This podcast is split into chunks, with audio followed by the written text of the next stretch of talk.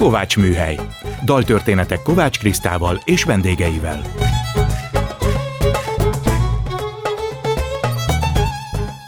Jó estét kívánok, Kovács Kriszta vagyok, ez itt a Kovács Műhely.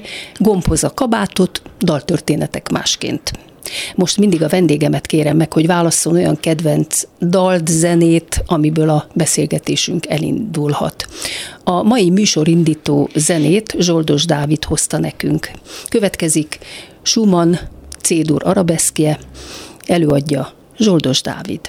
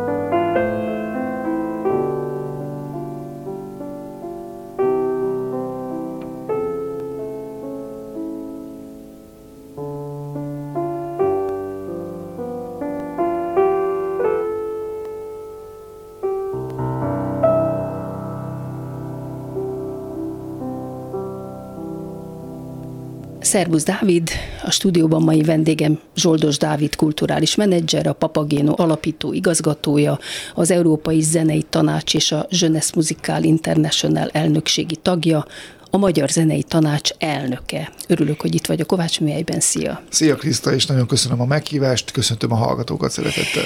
Hány éves voltál, amikor ezt játszottad, ezt a Schumann-t?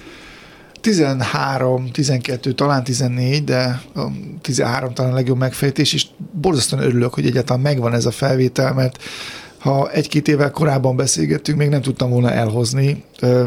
Szinte ilyen misztikus módon előkerült a semmiből egy olyan régi barát, egy, egy, egy korábbi impresszárió tulajdonképpen, aki egyszer csak megkeresett az interneten a tanárom a Baranyai Lászlón keresztül, hogy egyébként neki megvannak ezek a régi hangszalagok, és hogy ugyan érdekele, hogy nekem megvan-e, és nekem semmi nem volt meg ezekből a gyerekkori felvételekből, így hát kapva kaptam az alkalmon.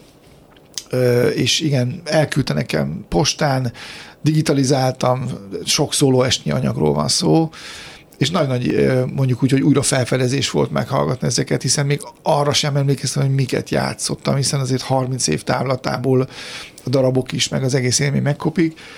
És hát nem tudom, kinek mennyire tetszett a felvétel, hát nyilván közösen volt makulátlan, tehát nem gondolom, hogy holnaptól kezdve a Spotify-on ezt kellene tolnom, amúgy ezek a felvételek nem is elérhetők nyilvános linken, csak zárt linken a YouTube-on de nekem nagy élmény volt ezeket meghallgatni, és azt is gondolom, hogy, hogy bizonyos részletek egészen felnőttes zongorázást akarnak. Számomra meglepő módon felnőtt zongorázás. De nagyon tehetséges zongoristaként indultál, de talán még kezdjük a szüleiddel, hiszen híres családtagja vagy, apád Zsoldos Péter író, és ő is zeneszerző is volt, ha jól Nem, ő zenét nem szerzett, ő a Magyar Rádiózenei szerkesztője volt, és ő, ő csinálta a Kinyermát Cigány Gyuri bácsékkal hosszú-hosszú éveken át, például, tehát tényleg egy egész ország ismert ezeket a vetékedőket annak idején, aztán olyan műsor is, hogy lemezek közt válogatva. Ő, ő a Magyar Rádiózenei Osztálynak egy, egy meghatározó figurája volt, amellett, hogy a science fiction irodalomban nem csak magyarul, de ugye a fordításokon keresztül idegen nyelven is maradandót alkotott. Nagyon érdekes. Hungarokon díjas, bocsánat, Eurokon díjat nyert, hogy az első Eurokon díjat 72-ben, és aztán a másodikat 73-ban ő nyerte meg. Nagyon érdekes, amit erről ír, hogy hogyan hozta össze a zenészségét és az íróságát, hogy ezt írja, a zenei forma és szerkesztés minden más művészetnél szigorúbb törvényei, és ugyanakkor a fantázia szabadsága, ami éppen e törvények szigorúságából fakad, nagyszerű iskola volt. Igen, Na most az érdekel engem, az írás meg a zene. Hogy te, te mint kisgyerek, hogy, hogy élted ezt meg, hogy van egy ilyen apád, és hogy evidens volt-e számodra, hogy zenész leszel és zongorista leszel? Hmm. Hát egy ilyen apa talán a legnagyobb áldás, ami egy gyereket ér, érhet. Egészen kicsi korunktól kezdve nem csak én, hanem az öcsém is, akivel egyébként van a másik felvétel szól majd róla. Hiszen hát, ő zenész lett. Ő, ő aztán zenész is maradt ő pontosabban. Is maradt, igen, tehát, igen.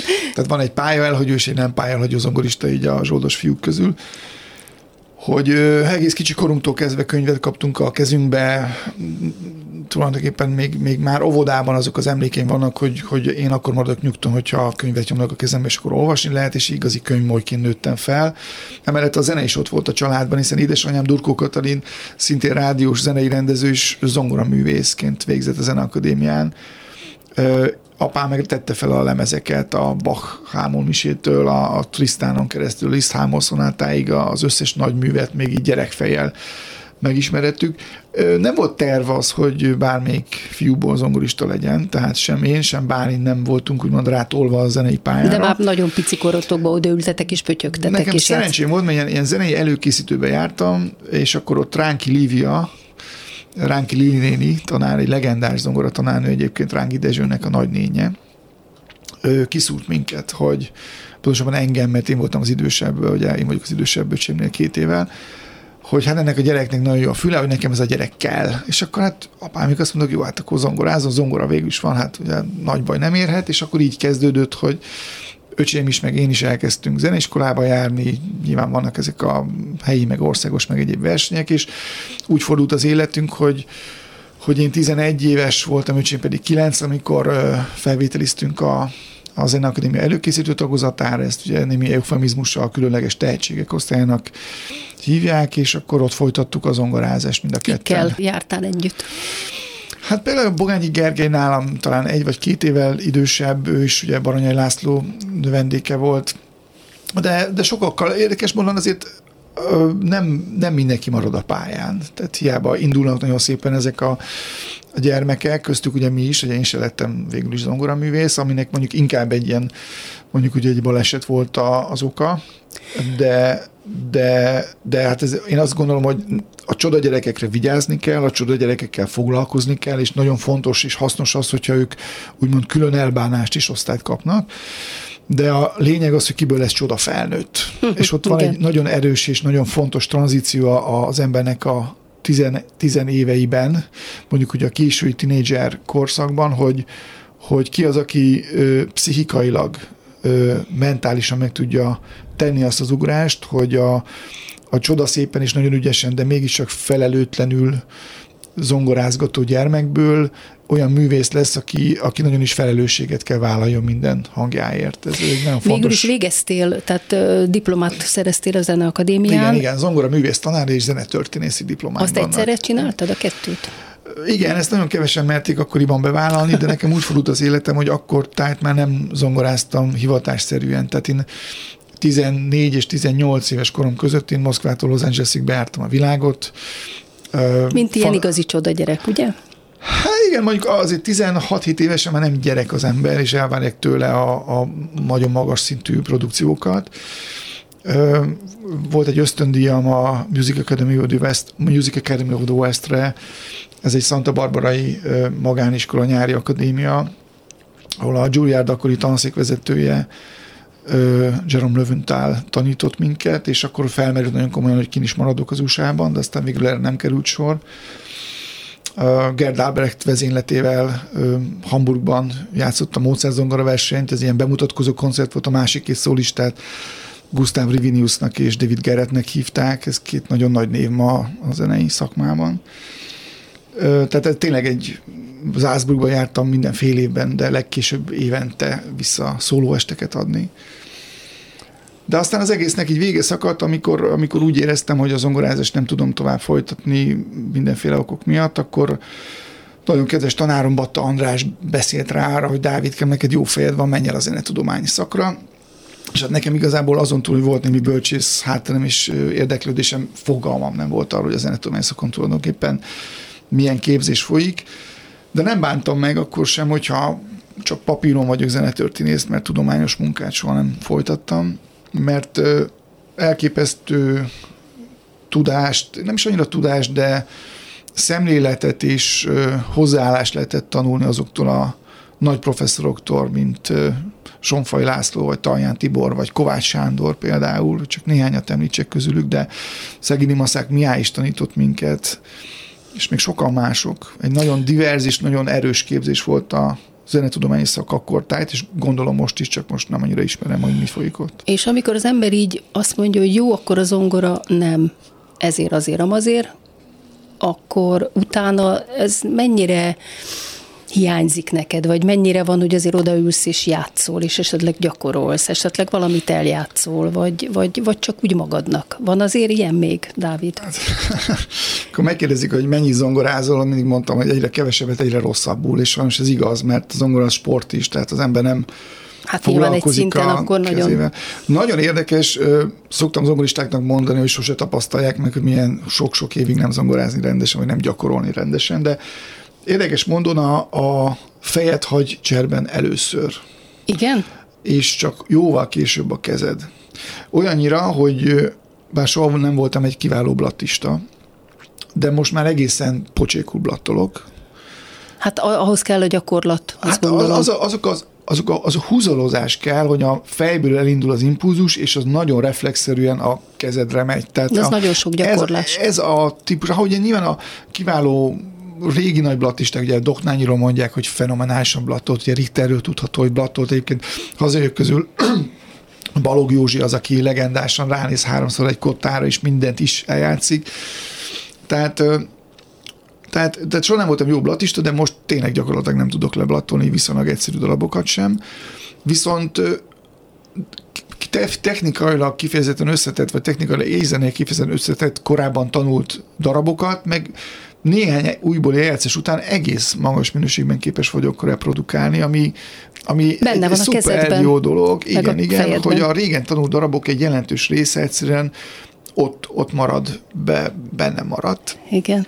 És ez nyilván nem azt jelenti, hogy akkor most a Funerálnak vagy a Wally Dobermannak az oktávjait le tudnám hibátlanul játszani, de mondom, meglepően ez a típusú rugalmasság és precizitás, ez, ez meglepően, mondom, tehát évtizedes nem gyakorlás után is ott marad az ember kezében. Ez itt a Kovács műhely vendégem, Zsoldos Dávid.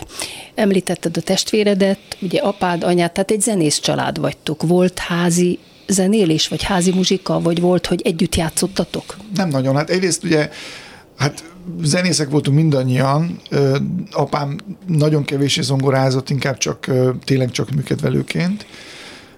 Nagyon szerette például Gershwint, és akkor néha-néha azért egy, egy apróságot lejátszott, meg Bachot. De anyám akkor már nem volt kvázi zongorista, ő nem is nagyon gyakorolt, egy-két produkciót még összerakott az ő kedves kamara partnereivel, például Kis Andrással, Botvai Karcsi bácsival, és öreg Bársony bácsival egy, egy Mozart zongora négyest, erről még felvétel is van. De de ugye mindannyian zongoristák vagyunk, vagy voltunk, ez ugye a zongoristák zongoristák, nem nagyon tudnak játszani, maximum négy kezes, tehát azért volt Igen. Példa. Tehát uh, nyilván, amikor mi elkezdtünk Ausztriába, Németországban uh, koncertezni, akkor azért hamar felfedezték, hogy az egyik zsoldos mellett van egy másik zsoldos is, akkor már üljenek egymás mellé a zongorázni, az olyan cuki, hogyha egy barna, meg egy szőke gyerek lett a zongorázni, és hogy igen. lehetett játszani a Brahms magyar táncokat, meg, meg mindenféle Schuberteket. De hát amúgy nem nagyon. Hát a, zongorista az egy magányos szakma, emlékszem még annak idején a drága Pándi Marian néninél voltam még a zenetudományi felvételit megelőzően ilyen alkalommal beszélgetni, és ő is zongoristának készült. És akkor így rám nézett, hogy akkor miért lesz magából a zenetörténész, hogy ilyen jól zongorázik, és akkor mert az, a zongorista az a világ legmagányosabb szakmája, hogy kiülsz oda tök egyedül, és neked kétszer 40 percig ott mesélni kell, szórakoztatni kell, figyelmet kell. Tehát ott, ott te vagy az egésznek az origója, ott nem tudsz eltűnni, ott, ott, ott, ott te vagy és senki más. És ott, van, ott, ott ásít rád egy nagy fekete-fehér univerzum, amiből valami sok színt kell kavarni.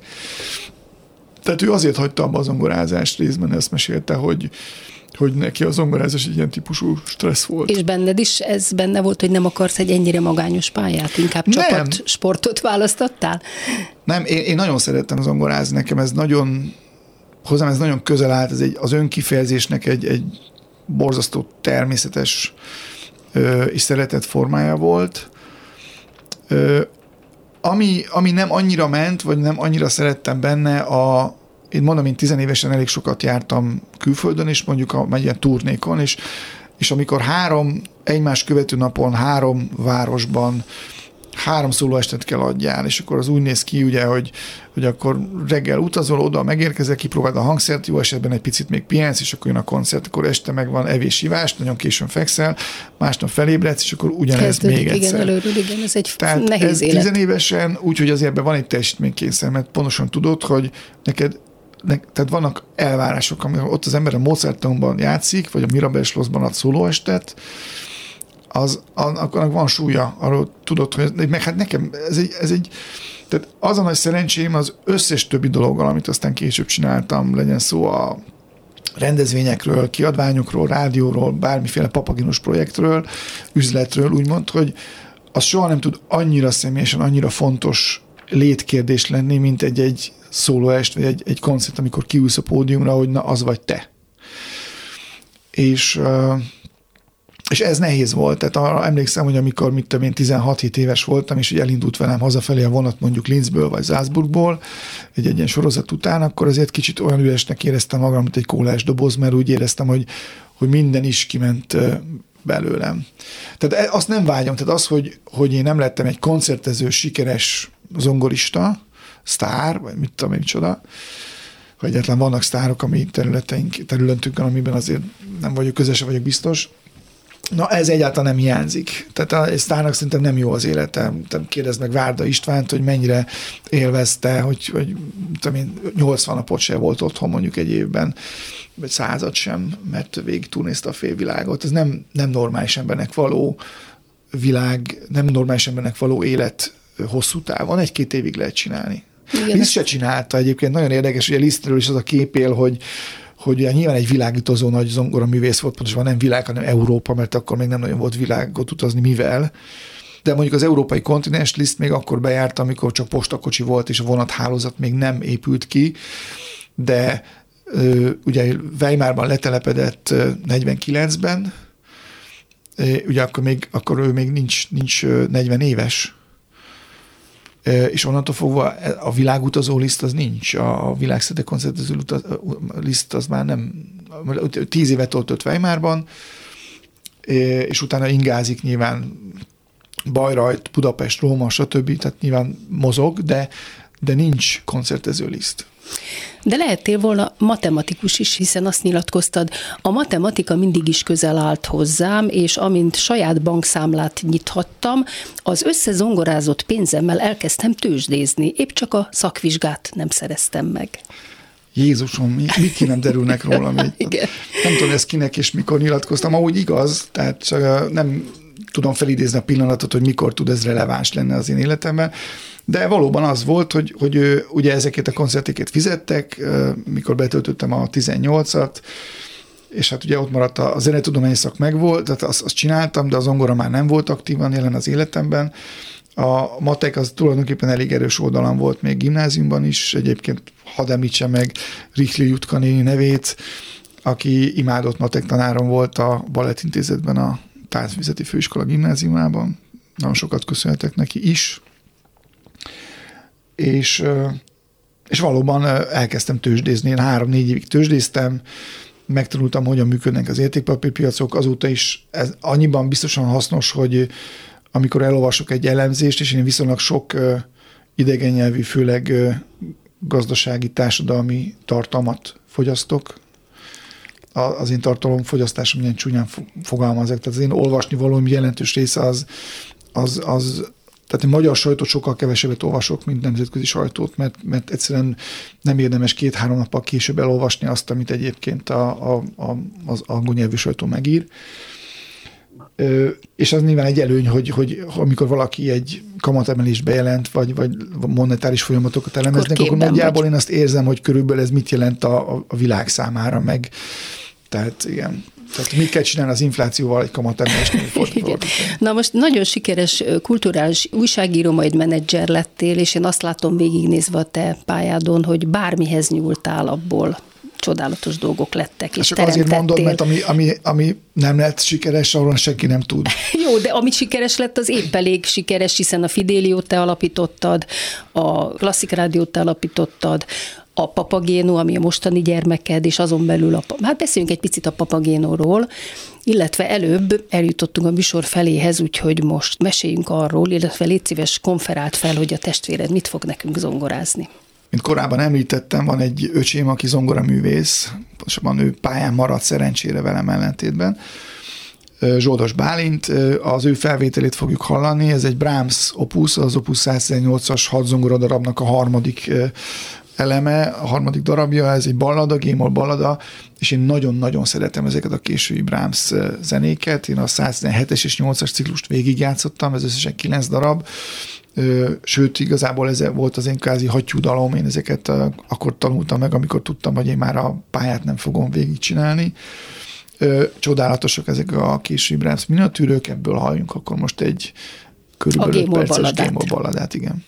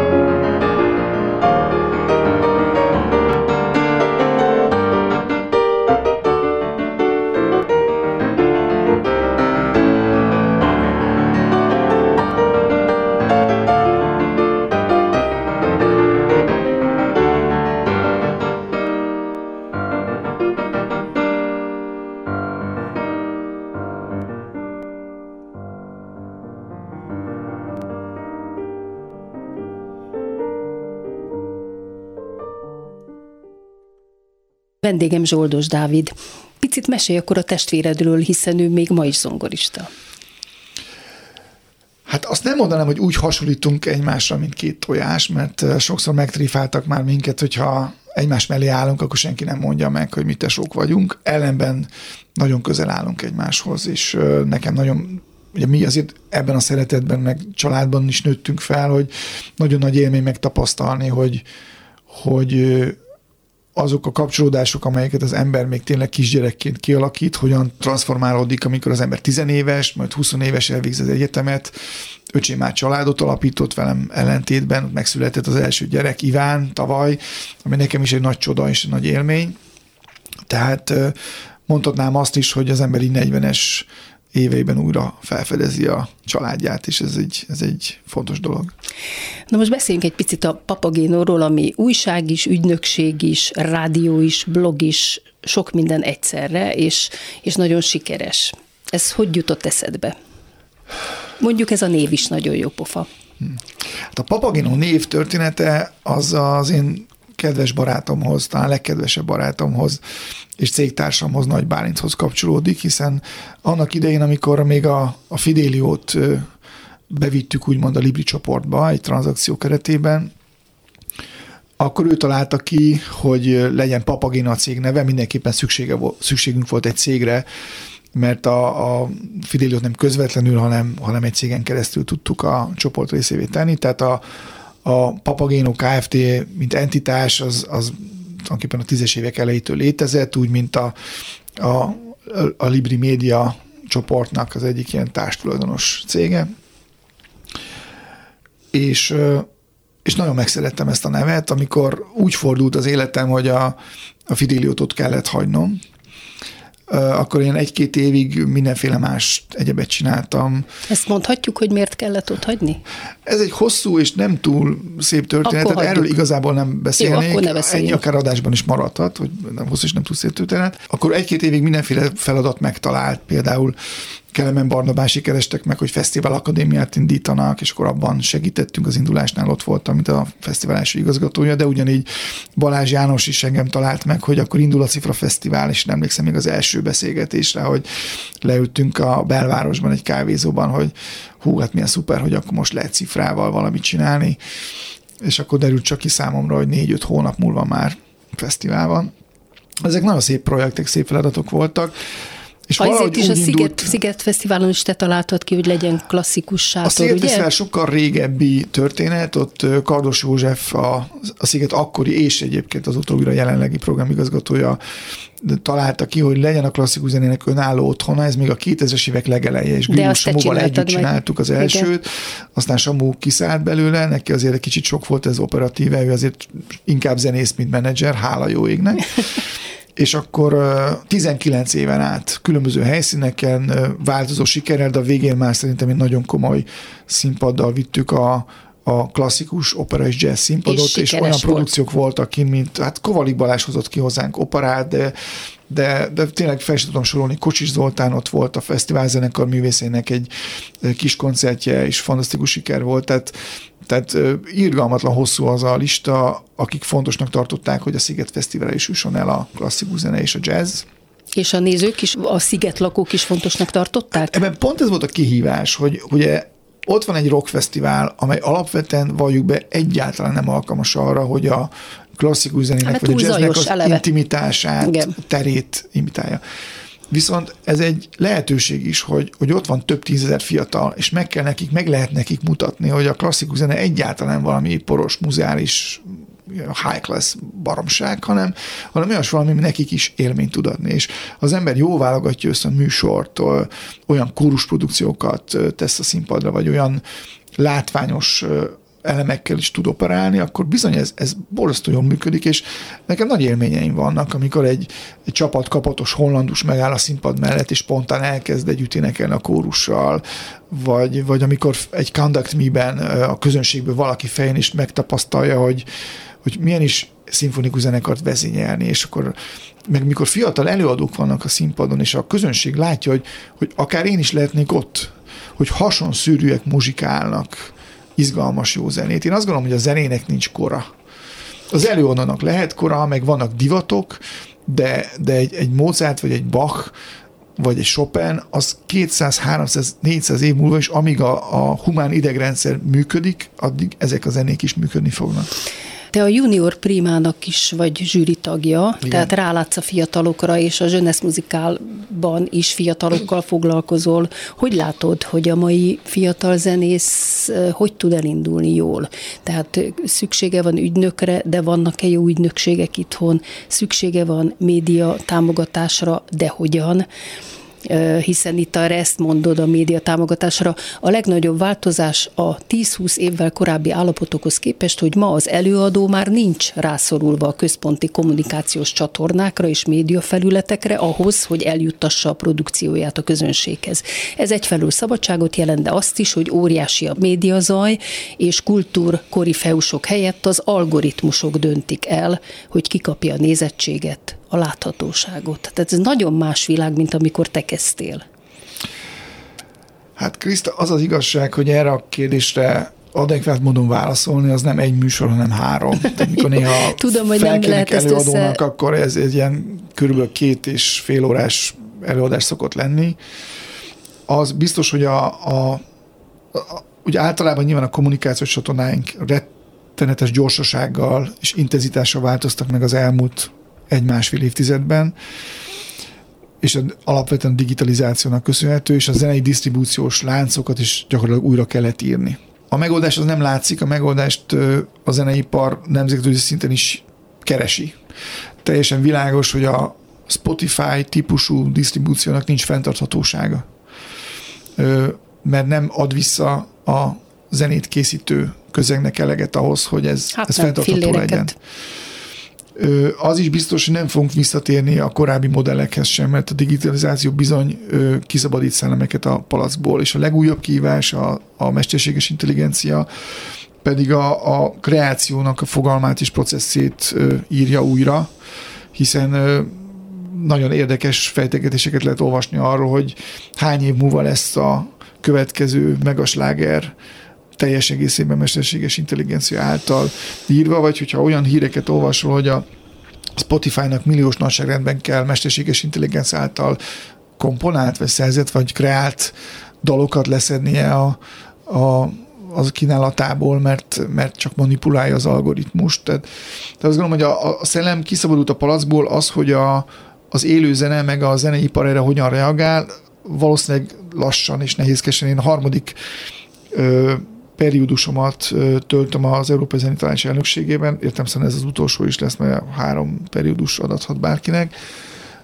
Nagyon érdekes volt test közelben megfigyelnem, hogy a problémákat a szegmens nagyon pontosan látja, úgymond erőforrásokban sincsen hiány, hiszen azért a, a nagy, az európai kulturális intézményrendszer erős, nagyon jó struktúrált, ugye azért mégiscsak a német, meg a francia, meg ezekről a nagy piacokról beszélünk, hát elképesztő komoly állami pénzek is, meg, meg hát itt azért állások tízezreiről, százezreiről beszélünk. És hogy ennek ellenére nem tudunk, nem tud az európai szabályozó környezet sem lépést tartani, pláne nem diktálni annak a fejlődésnek, amit a technológia vezérel, és a technológiát meg alapvetően a profit vezérlés. Ugye a profit nem egy rossz dolog, ha nem lenne profit, akkor nem találtuk volna fel még a fonográfot sem de ezt az egyensúlyt megtalálni, hogy, hogy, hogy a zeneiparnak is jó legyen, és a, a, a fejlődéssel ezt valahogy szinkronban hozni, ezeket az érdekeket összehangolni, és pláne itt a nagy kiadókra gondolok, akinek aztán tényleg alapvetően a meglévő inventorinak a maximális monetizálhatósága az elsődleges érdekük. Ezt szabályzói oldalról szinte lehetetlen jól megfogni, és mégis dolgozni kell rajta, hogy, hogy jobb és jobb legyen. Amúgy a zene az nincs egyedül ebben a helyzetben, mert ugyanez egyébként a kommunikáció egészéről elmondható, tehát amikor hatalmas algoritmusok manipulálnak híreket, és ezen keresztül választásokat, stb. stb. Tehát, tehát nyilvánvalóan a digitális kor kihívásaira a társadalomnak reflektálnia kell, és ugye ennek egy szelete az, hogy a, hogy a zeneiparnak is valahogy ö, reagálnia kell ezekre. De, is, de a másik pedig az, hogy az se jó megközelítés, amit sokszor látok, hogy, hogy akkor minden, ami új, meg ami, ami széttűri a meglévő struktúrákat, az ellenség, az, az, az káros. Inkább használni Mert kell. Adaptálni kell, tehát egy lehetőséget kellene látnunk, Igen. Ez itt a Kovács műhely vendégem Zsoldos Dávid, de hogyan építse fel magát ma egy fiatal művész mondjuk a médiában, és te, aki egy médiacéget vezet, nekem nagyon furcsa ez a nyilatkozat tőled, úgyhogy kérlek, ezt majd magyarázd el. Ma Magyarországon elég kevés felület van, amin tényleg érdemes megjelenni kulturális projektekkel. Azokon is kisebb részben az elérésük, inkább a presztízsük okán. Inkább csiszolják a lehető legütősebbre a produkciójukat, és szerezzenek annyi rajongót a saját felületeiken, amennyit csak tudnak, és utána tartsák is meg őket. De te közben a papagénot csinálod. Azt gondolom, hogy lehet pont ettől hiteles, amit mondok, hogy nem azt mondom, hogy mindenki szaladjon a papagénóra és máshová felületeket vásárolni, hanem azt, hogy gondolják újra a kommunikációs stratégiát. Ezzel együtt tényleg azt gondolom, meg nem is élnék meg, hogyha a papagénónak nem lenne egy nagyon versenyképes ajánlata a kulturális üzeneteknek a terjesztésére. Ezzel együtt a hangsúly eltolódás az, az egészen nyilvánvaló. Tehát a média piac is átalakult Magyarországon különösen az elmúlt 6-8-10 évben. Ebben a szabályozói környezet különösen ludas, hogy a, a már nem a reklám költések mondjuk mozgatják a piacot, hogy emelnek fel, vagy, vagy, vagy sülyeztik el a, a, a, a médiacégeket, nagyon erősen belenyúlt a piacba a Facebook meg a Google, hogy ha már a reklámköltés nagyon jelentős része, az online reklámköltés nagyon jelentős része ott náluk landol. Én azt gondolom, hogy nem a médián keresztül kell egy művésznek érvényesülni. Én, én kétféle, kétféle karrier létezik, most borzasztóan és, és igaztalanul leegyszerűsítve a dolgokat. Az egyik az, amikor óriási csinadrattával, médiahátszéllel, állami támogatással, akármivel felépítenek tulajdonképpen tűrhető minőségű, vagy akár egész jó produkciókat. Nem kimagasló, de mondjuk elég jó produkciókat, köztük van egyébként kifejezetten kezdetleges produkciók is, de tehát amihez nem kell kiválónak lenni, de van egy olyan méretű ágyú sortűz, és ugye a befogadók nem feltétlenül a szofisztikáltak, most én kínosan kerülöm, hogy konkrét produkciókat és előadókat De ezt említsek. komoly zenére, könnyű zenére is érted? Ezt a, komoly, a könnyű zenei piacot azt kevéssé ismerem, és azt gondolom egyébként, hogy a könnyű zenében még talán kevésbé lehet kamúzni, mint a klasszikus zenében. Igen? Ez komolyan Igen, mert gondolod? Ott, a, ott nagyon erősen elválik a, a jegyértékesítésnél az, hogy valakinek van-e valós rajongótábora, van-e valós úgymond húzása, vagy nincs klasszikus zenei piacon nagyon könnyen úgy lehet tenni, mint hogyha valódi értéket, vagy valódi elérést képvisel egy, képviselne egy, egy, egy produkció. Itt, itt azért el kell mondanom, hogy nem attól lesz értékes egy produkció, hogy sok ember hallgatja. Tehát vannak, mint a régi zenei produkciók, jelentős része nem fog soha tömegeket vonzani, mégis fantasztikusan komoly értéket képvisel. Ugyanez igaz a kortárs egy jelentős részére. Tehát, tehát az egyik az, hogy, hogy nyilván egy közepes produkciót is a megfelelő, mondjuk úgy, hogy háttértámogatással úgymond nagyon láthatóvá lehet tenni. De ennek a produkcióknak az a sajátossága, hogy amint a láthatóság kicsúszik alóla, vagy a láthatóságnak van egy földrajzi korlátja, mondjuk az, hogy ez Magyarországra vonatkozik, onnantól fogva a produkció nemzetközileg igazából nem piacképes. Tehát ki akarom vinni ugyanezt a terméket mondjuk Londonba, vagy Los Angelesbe, vagy, vagy Johannesburgba, vagy bárhová, és ez a produkció nem fog megélni, mert mondjuk a magyarországi média habverés tartja életben. És van a másik út, hogy igen, vannak olyan ki, egészen kimagasló produkciók, ahol mögött semmiféle hátszél nincsen, mondjuk egy 18 éves korai csodazongorista megnyeri a világ legjelentősebb zongoravers, egyik legjelentősebb zongoraversenyét, a Van Cliburn-t, és egyik percről a másikra elképeszte a világot, és sztár lesz belőle, amely, aki aztán hogyan be se lehet férni a naptárjába. Én azt gondolom, még abban mindenképpen bízom, hogy a, és ez így is működik, hogy, hogy a, a tényleg nagyon kimagasló produkció, az abszolút extraordinary tehetség, Megtalálja az, az, az, az, az még mindig eltaposhatatlan. De én azt gondolom, hogy, hogy olyan nincs, hogy valaki 20 centivel magasabbat ugrik, és, és nem tud érvényesülni azt is mondtad, ez az ország száz évvel ezelőtt Dohnányival, Bartókkal, Kodályjal, Weinerrel és a többiekkel felkapaszkodott a zene élvonalába. Nem tudnék jobb területet mondani, ahol már megvan a presztízsünk, csak vigyázni kell rá. Tehát mennyire vigyázunk rá, mert azért a zeneoktatás csodálatos szinten volt régen, de mennyire vigyázunk erre, és mennyire tud a zeneoktatás ugyanúgy további tehetségeket útra bocsájtani. Hát Mert a pénz az nagyon kevés, úgy tudom. Hát ez nem csak pénzem múlik, és nem mindig volt kevés a pénz, de amúgy nagyon röviden válaszolva rá, sehogy nem vigyázunk rá, vagy alig, nem, alig vigyázunk hát az rá. egész oktatásban nem vigyázunk rá, csak... Az nyilvánvaló, hogy a zeneoktatás kérdését nem lehet teljesen elválasztani az oktatás általános helyzetétől.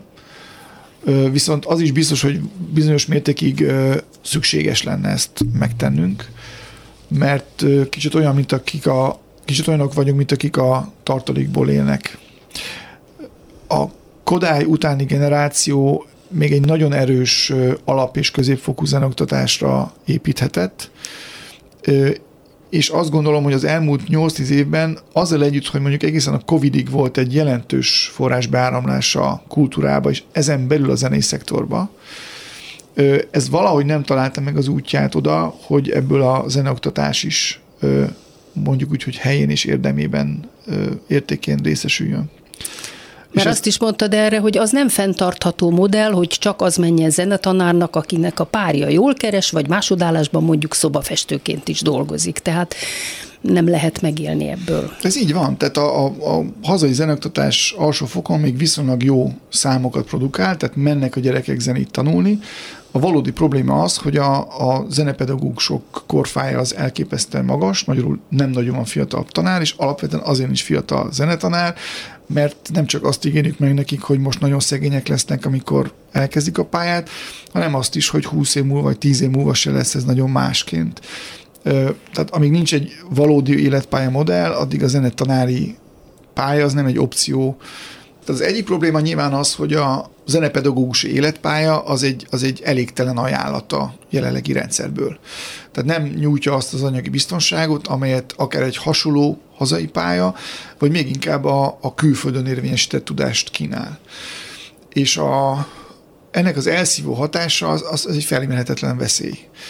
Nem lehet ezt társadalmi presztízsel pótolni, és egyébként a tanári pályának a társadalmi presztízse éppen túl magas jelenleg sajnos. Sajnos, igen. És ugye ez párosul egy másik probléma, hogy ugye a, a rendszerváltozás óta a, a nyugati a gazdagabb nyugati országoknak értelemszerűen volt egy elszívó hatása, mert a muzsikus szívesebben keresett több pénzt nyugaton, mint kevesebbet keleten. Hát ez nagy, nagy megfejtés. Az igazi probléma az az, hogy lassan a, a régió a regionális összevetésben is veszítünk a versenyképességünkből, tehát, tehát amikor Marosvásárhelyen a koncertmester többet keres, mint bármelyik hazai vidéki zenekarban, de láthatóan is sokkal, és ugye mondjuk Vásárhely nem egyedi példa, és Vásárhely nem egy, azzal együtt, hogy nyilván csodálatos kultúrpalota, meg nyilván egy kulturális műhely, de egy százezres városról beszélünk, akkor ez egy látható probléma. És ö, ugyanez ugye van Temesvárot és Aradon is ö, Romániában zenekar, és ugye ott vannak a horvátok, szóval nem csak Bécs és Grác és aztán a, a távolabbi nyugat és London és a többi a konkurencia, nem lassan egyébként nyilvánvalóan Prága, a nagy román együttesek, stb. stb. stb. és Lengyelország maradva, is, Lengyelország igen, is. Igen. És hát ez, ez párosul az, hogy, hogy hát a, a teljes oktatási teljes zenoktatási struktúrát egységben kell kezelni. Tehát eh, hiába van óriási vita arról, hogy kinek és miért kell a zenakadémia rektorának lennie. Azt kell látni, hogy, hogy az alap- és középfokú oktatásra való hatás nélkül hiába bárki is lehetne a zenakadémia rektora. Befejezésül már csak egy rövid kérdésre marad időnk és rövid válaszra, hogy te producerként is működsz, hiszen voltál a Focus on You programban mentorként, illetve a a Wolf Péter, Fábri Péter, Zommerreize és Erekles Requiemnek is mondhatjuk úgy, hogy te voltál a producere, és én végignéztem közelről, hogy te ezt milyen elképesztő energiával és összeszedettséggel vitted végig, és hajtottad, és gondolom azért, mert hiszel benne. Tehát erre csak egy mondatot válaszolj. Krista, ami az embert nagyon megszólítja, mint hogy például a, a Winterreise nagyon megszólított, abban megpróbál, hogy, ami az embert nagyon megszólítja, abba az ember megpróbálja maximális lelkesedés és energiát beletenni. A Papagénónak egyébként csak a fele a média cég, a másik fele az alapvetően produkciókkal foglalkozik. Ugye idén megcsináltuk a European Forum Musicot Budapesten, ami a legnagyobb európai seregszemléje a zenei szakmának. Szervezünk Debrecenben nemzetközi Kodály versenyeket, jövőre a Bartok versenyt is részben mi szervezzük. Csinálunk rendszeresen Back to Future konferenciákat, tehát, tehát a Papaginónak a fele egy, egy médiacég, a másik fele meg mondjuk egy ilyen klasszikus zenei megoldás szállító, produkciós mondjuk hogy diszeminációs platform, amely ráadásul szerencsére egyre többet tud Európában is dolgozni. Köszönöm Zsoldos Dávidnak, hogy beszélgetett velem a Kovács műhelyben. Szia! Én is köszönöm. Szia! És köszönöm hallgatóink figyelmét Pályi Márk és Horváth Ádám munkatársaim nevében is.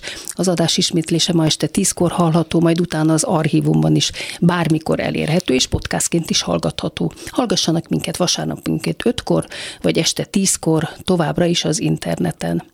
Egy hét múlva, vasárnap ötkor egy újabb daltörténettel jelentkezik Kovács Kriszta műsora, a Kovács műhely. Gombhoz a kabátot, daltörténetek másként. A műsor vendége Károlyi Katalin mezzoszoprán operaénekes lesz. Megtudjuk tőle, hogy miként írta neki Ligeti György a Sippal Dobbal Nádi Hegedűvel című dalciklust, amit az Amadinda együttessel közösen mutattak be. Miért lett számára a barokk zene mellett a kortárs zene a legfontosabb, és hány zeneszerző írt kifejezetten neki műveket? Hogyan döntött az énekesi pálya mellett a rádió gyerekkórusos kislány, aki hegedűsnek készült? És miért jár 40 éve kerékpáron mindenhova? Ezek szerint nem félti a hangját? Ő a Ligeti műből mutat nekünk egy részletet műsorindítónak.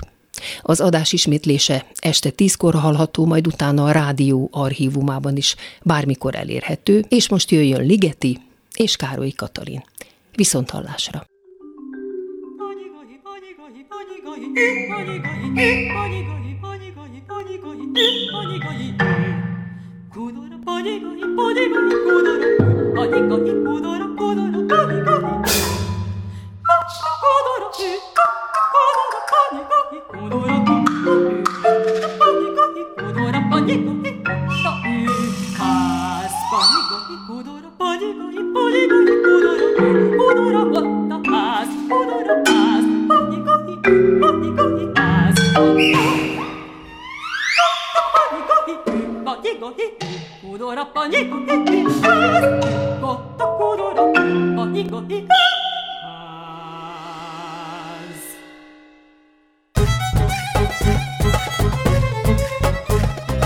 Kovács Műhely.